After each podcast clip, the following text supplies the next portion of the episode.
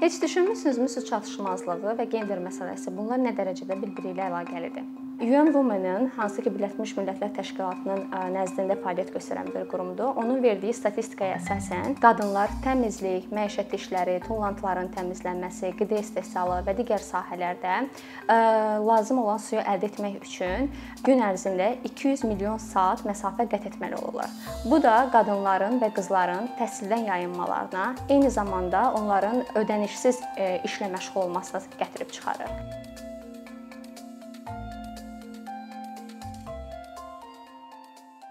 Su çatışmazlığı nədir? Su çatışmazlığı istifadəyə və içməyə yararlı olan suya əlçatanlığın itməsi deməkdir. Və dünya əhalisinin 3/2-si, təxminən 4 milyon insan, milyard insan il ərzində, bir neçə ay ərzində ciddi su çatışmazlığı ilə üzləşir.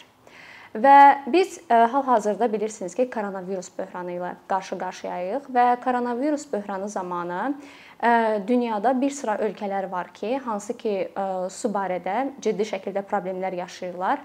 Həmin bu ölkələrdə daha çox artıq bu su çatışmazlığı problemi öz təsirini göstərir. Nəyə görə? Bilirsiniz ki, pandemiya ilə əlaqədar olaraq insanlara daim tələb edirlər ki, müəyyən sanitar qaydalara əməl etsinlər, əllərini yusunlar, hansı ki, bir qism qism əhalidə bu böyük bir problem yaradır. Hətta adicə əllərini yumağa belə su tapa bilmirlər. Digər tərəfdən elə bizim ölkə daxil olmaqla şəhərlər və kəndlər arasında mobillik azaldılmışdır ki, e, bu da bəzi kəndlər, şəhərlər üçün e, suya əlçatanlığa mənfi dərəcədə təsir göstərir. Çünki artıq nisbətən əlaqələr kəsilmişdir və su cəhətdən problem yaşayan zonalar bundan mənfi dərəcədə təsirlənirlər. Oxşar mənzərə Azərbaycanda da müşahidə olunur. Hətta Azərbaycanda bəzən insanlar düşünürlər ki, bizdə su çatışmazlığı problemi yoxdur, su qıtlığı problemi yoxdur. Halbuki Azərbaycanda aparılan araşdırmalara əsasən 2050-ci ilə qədər su çatışmazlığı ilə üzləşə biləcək ilk 50 ölkə sırasında yer alır.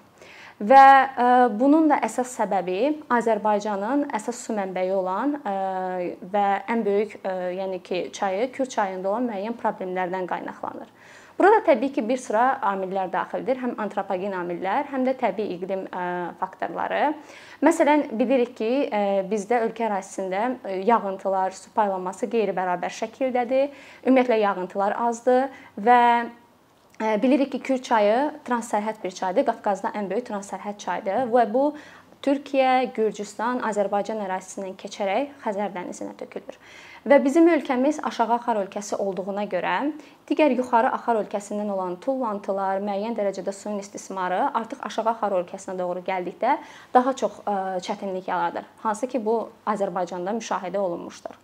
Bundan əlavə bizim ölkədə iqtisadiyyatın inkişafı ilə əlaqədar su elektrik stansiyalarının artması, su kollektorlarının artması, əkinçiliyin, suvarma əkinçiliyinin xüsusilə inkişafı böyük bir dərəcədə su götürmələrin həcmini də artırmışdır və təbii ki, bunlar müəyyən dərəcədə bəzi zonalarda quraqlığın yaranmasına səbəb olmuş, bəzi zonalarda suyun axınına mənfi dərəcədə təsir göstərmişdir və bütün bunlar isə ümumilikdə həm su çatışmazlığı problemləri, xüsusilə də şirin su çatışmazlığı problemlərinə gətirib çıxarmışdır. Bu su çatışmazlığı haqqında qısa bir məlumat idi. Təbii ki, bunu bu mövzuya bir çox insanlar tərəfindən toxunulmuşdur və aydın bir mövzudur. Amma su çatışmazlığının gender məsələsi ilə əlaqəsi isə çox az toxunulmuş mövzulardan biridir. Ümumiyyətlə dedikdə su çatışmazlığı deməliyik ki, həm də gender məsələsidir. Bəs necə? Bilməliyik ki, su çatışmazlığı təsiri genderlər arasında da bərabər paylanmır. Necə? Deməli, əksər ölkələrdə, ümumiyyətlə bizim ölkədə daxil, su su ilə bağlı ödənişlər kişilərin öhdəliyinə düşdüyü halda suyun tədarükü, ümumiyyətlə toplanması qadınların öhdəliyinə düşür. Və UN Women-ın hansı ki, Birləşmiş Millətlər Təşkilatının nəzdində fəaliyyət göstərən bir qurumdur. Onun verdiyi statistikaya əsasən dünyanın müxtəlif kənd yerlərində qadınlar təmizlik, məişət işləri, tullantıların təmizlənməsi, qida istehsalı və digər sahələrdə lazım olan suyu əldə etmək üçün üçün gün ərzində 200 milyon saat məsafə qət etməli olurlar. Bu da qadınların və qızların təhsildən yayınmalarına, eyni zamanda onların ödənişsiz işlə məşğul olmasına gətirib çıxarır. Oxşar tipli səhnələr Azərbaycanda da müşahidə olunmuşdur. Hansı bölgələr ki, su çatışmazlığı, su qıtlığı ilə rastlaşırlar? Çox vaxt bu yerlərdə kişilər miqrasiya etməli olurlar. Əsasən məsələn şəhər daxili Bakıya və yaxud da ki, digər xarici ölkələrə, xüsusən də Rusiyaya. Beləliklə su çatışmazlığı problemi ilə qadınlar tək başına mübarizə aparmalı olurlar. Bilirik ki, kənd yerlərində yaşayan insanların maddi qazanc əldə etməsində kənd təsərrüfatı sahələri mühüm rol oynayır və bir çox qadınlar kənd təsərrüfatı sahəsi nəticəsində öz maddi qazanclarını təmin edə bilirlər. Lakin su çatışmazlığı ilə üzləşən bölgələrdə bu artıq həmin kənd təsərrüfatı sahələrində işləyən qadınların da iqtisadi cəhətdən zəifləməsinə gətirib çıxarır. Buna görə də həmin qadınlar artıq digər bölgələrdə daha çox öz kənd yerlərinə yaxın bölgələrdə iş axtarmağa gedirlər. Bu əsasən muzlu iş olur və bura getmək üçünsə onlar əlavə olaraq yol xərcləri də çəkirlər. Bəzi bölgələr var ki, ümumiyyətlə orada mobillik çox azdır və bunun üçün onlar piyada yol qət etməli olurlar. Bu isə təbii ki, bu insanların nəinki iqtisadi cəhətdən çətinliyinə, eyni zamanda onların fiziki cəhətdən də çətinliklərlə üzləşməsinə gətirib çıxarmışdır.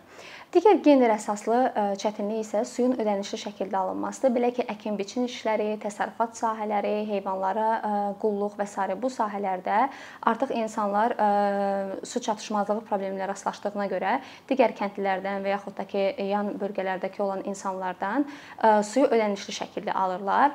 Ümumiyyətlə ailədə su ilə bağlı və digər məsələlərlə bağlı maliyyə qərarları verilərkən qadınlar bu mövzularda da kənarda qalırlar və səhərsi gün artıq su ilə bağlı planlaşma etdikdə, təsərrüfat işləri ilə bağlı planlaşma etdikdə qadınlar bu barədə məlumatsızlıq məlumatsız olduqlarına görə bu da istər-istəməz təbii ki, həm təsərrüfata, həm onların özlərinə müəyyən dərəcədə çətinlik yaradır. Və ə, su çatışmazlığı problemi ə, bütün bunları nəzərə aldıqda su çatışmazlığı probleminin ən çox nəyə görə qadınların üzərinə düşməsi də düşünülməsi gərəkən faktorlardan biridir. Bura mən deyirəm ki, ən çox lokal mədəni stereotiplər daxildir. Hansı ki, məsələn, apardığım müsahibələrə əsasən bəzi müsahiblərin bir qismi, yəni qeyd etmişdir ki, qadınlar məsəl üçün digər insanlarla ünsiyyətin qurulması, bazarla əlaqələrin qurulması, nəqliyyatdan tək başına istifadə, bu tipli məsələlərdə qadınlar fəaliyyət göstərə bilməzlər və göstərə bilmədikləri üçün də qərarvericilikdə düşünürlər ki, yalnız kişilər iştirak etməlidir. Hətta apardığım müsahibələrin birində qadınlardan biri mənə maraqlı bir məsələ ilə bağlı danışdı. Belə ki, kənd yerlərinə müxtəlif dövlət qurumlarından nümayəndələr gəldikdə su ilə bağlı, kənd təsərrüfatı ilə bağlı məsələlərin müzakirəsində yalnız kişilərin iştirak etdiyini vurğuladı. Halbuki kənd təsərrüfatında ən çox işdə, ən çox məsuliyyət də qadınların üzərinə düşür. Lakin verilən qərarlarda, ümumiyyətlə məsələlərdə, problemlərdə qadınlar hər birindən məlumatsız qalırlar. Onların bu məlumatsızlığı isə artıq təbii ki, kənd təsərrüfatında da müəyyən problemlərə gətirib çıxarır. Necə çıxarır? Çünki həmin məlum tədbirlər sayəsində əldə olunan bir sıra məlumatlar var ki, məsələn, suyun düzgün şəkildə istifadəsi olsun, toxumların düzgün seçilməsi, hansı bitkiyə nə dərəcədə su istifadə oluna bilər və s. Bu tipli məsələlərdən artıq qadınlar məlumatsız olurlar və təbii ki, bu da artan quraqlığı, su çatışmazlığı məsələlərini daha da kəskin bir vəziyyətə gətirib çıxarır. Bəs ümumilikdə su çatışmazlığı problemini necə həll etmək olar? Düşünürəm ki, bununla bağlı daim bir sıra təkliflər irəli sürülmüşdür və hətta bəziləri tətbiq olunmağa başlamışdır. Bunlara məsələn inteqrasiyalı həll yolları, suyun səmərəli istifadəsi, müəyyən texnologiyalardan istifadə və s. Ona görə düşünürəm ki, bunları o qədər vurğulamağa indi ehtiyac yoxdur. Mən burada daha çox gender inklüziv həll yolları haqqında danışmaq istərdim. Qeyd etmək istəyirəm ki, su mövcud su siyasətləri var, hansı ki, Azərbaycan Respublikası su kodu, irriqasiya və meliorasiya haqqında qanun, sosial-iqtisadi inkişaf üzrə milli strategiya və digər su layihələrində hələ də gender məsələlərinin hədəflənmədiyi müşahidə olunur. Bunun üçün də su məsələləri həll etdikdə bu gender inteqrasiyası məsələləri də burada vurğulanmalıdır. Və bunun üçün bir sıra tədbirlər görülə bilər. Məsələn, Ümumiyyətlə su ilə bağlı qanunlar qəbul edilərkən kənd yerlərində, icmalarda insanların ehtiyacları, problemləri haqqında düzgün şəkildə sorğu-sual aparılmalı, müəyyən dərəcədə data yığılmalıdır. Və e, su istifadəçiləri üzrə su komitələrinin yaradılması və bu su komitələrində qadınların müxtəlif mövqelərə cəlb olunması da mühüm addımlardan biri ola bilər. Və bu qadınların eyni zamanda idarəetmədə rolunu da artıracaq. Və təbii ki, qadınların idarəetmədə rolunu artırmaq üçün isə onlara müəyyən dərəcədə bilik və bacarıqların verilməsi də genderə həssas su layihələrində vurğulanmalıdır. Bundan əlavə, kənd yerlərində, ümumiyyətlə icmalarda suyun düzgün şəkildə istifadəsi, bir sözlə sudan səmərəli istifadə və bunun üçün müəyyən texnologiyalardan istifadə ilə bağlı təlimlərin, məlumatların verilməsində kişilərlə yanaşı eyni zamanda qadınların da iştirakı ciddi şəkildə qabardılmalıdır. Ən son olaraq isə digər bir alternativ olaraq isə məsəl üçün gəlir mənbələrinə əlavə yardım dəstək kampaniyaları yaradıla bilər. Bu nə deməkdir? Xüsusilə də birbaşa suya çıxışı olmayan kənd yerlərində qadınlara müəyyən dərəcədə subsidiyaların verilməsi və yaxud da ki, məsələn, su toplama texnikalarının öyrədilməsi də düzgün atılan addımlardan ola bilər. Əkinçinin yeni videoları haqqında məlumatlı olmaq üçün kanalımıza abunə olmağı və xəbərdarlıq funksiyasını aktivləşdirməyi unutmayın imkandan istifadə edərək cari patronlarımıza işlərimizi davam etməyə yardım olduqları üçün dərin təşəkkürümüzü bildiririk. Əkinçinin Patreon icmasının üzvü olaraq siz bizim təşəbbüsə dəstək göstərməklə bərabər hazırladığımız materialları hər kəsdən öncə izləmə imkanı əldə edəcəksiniz.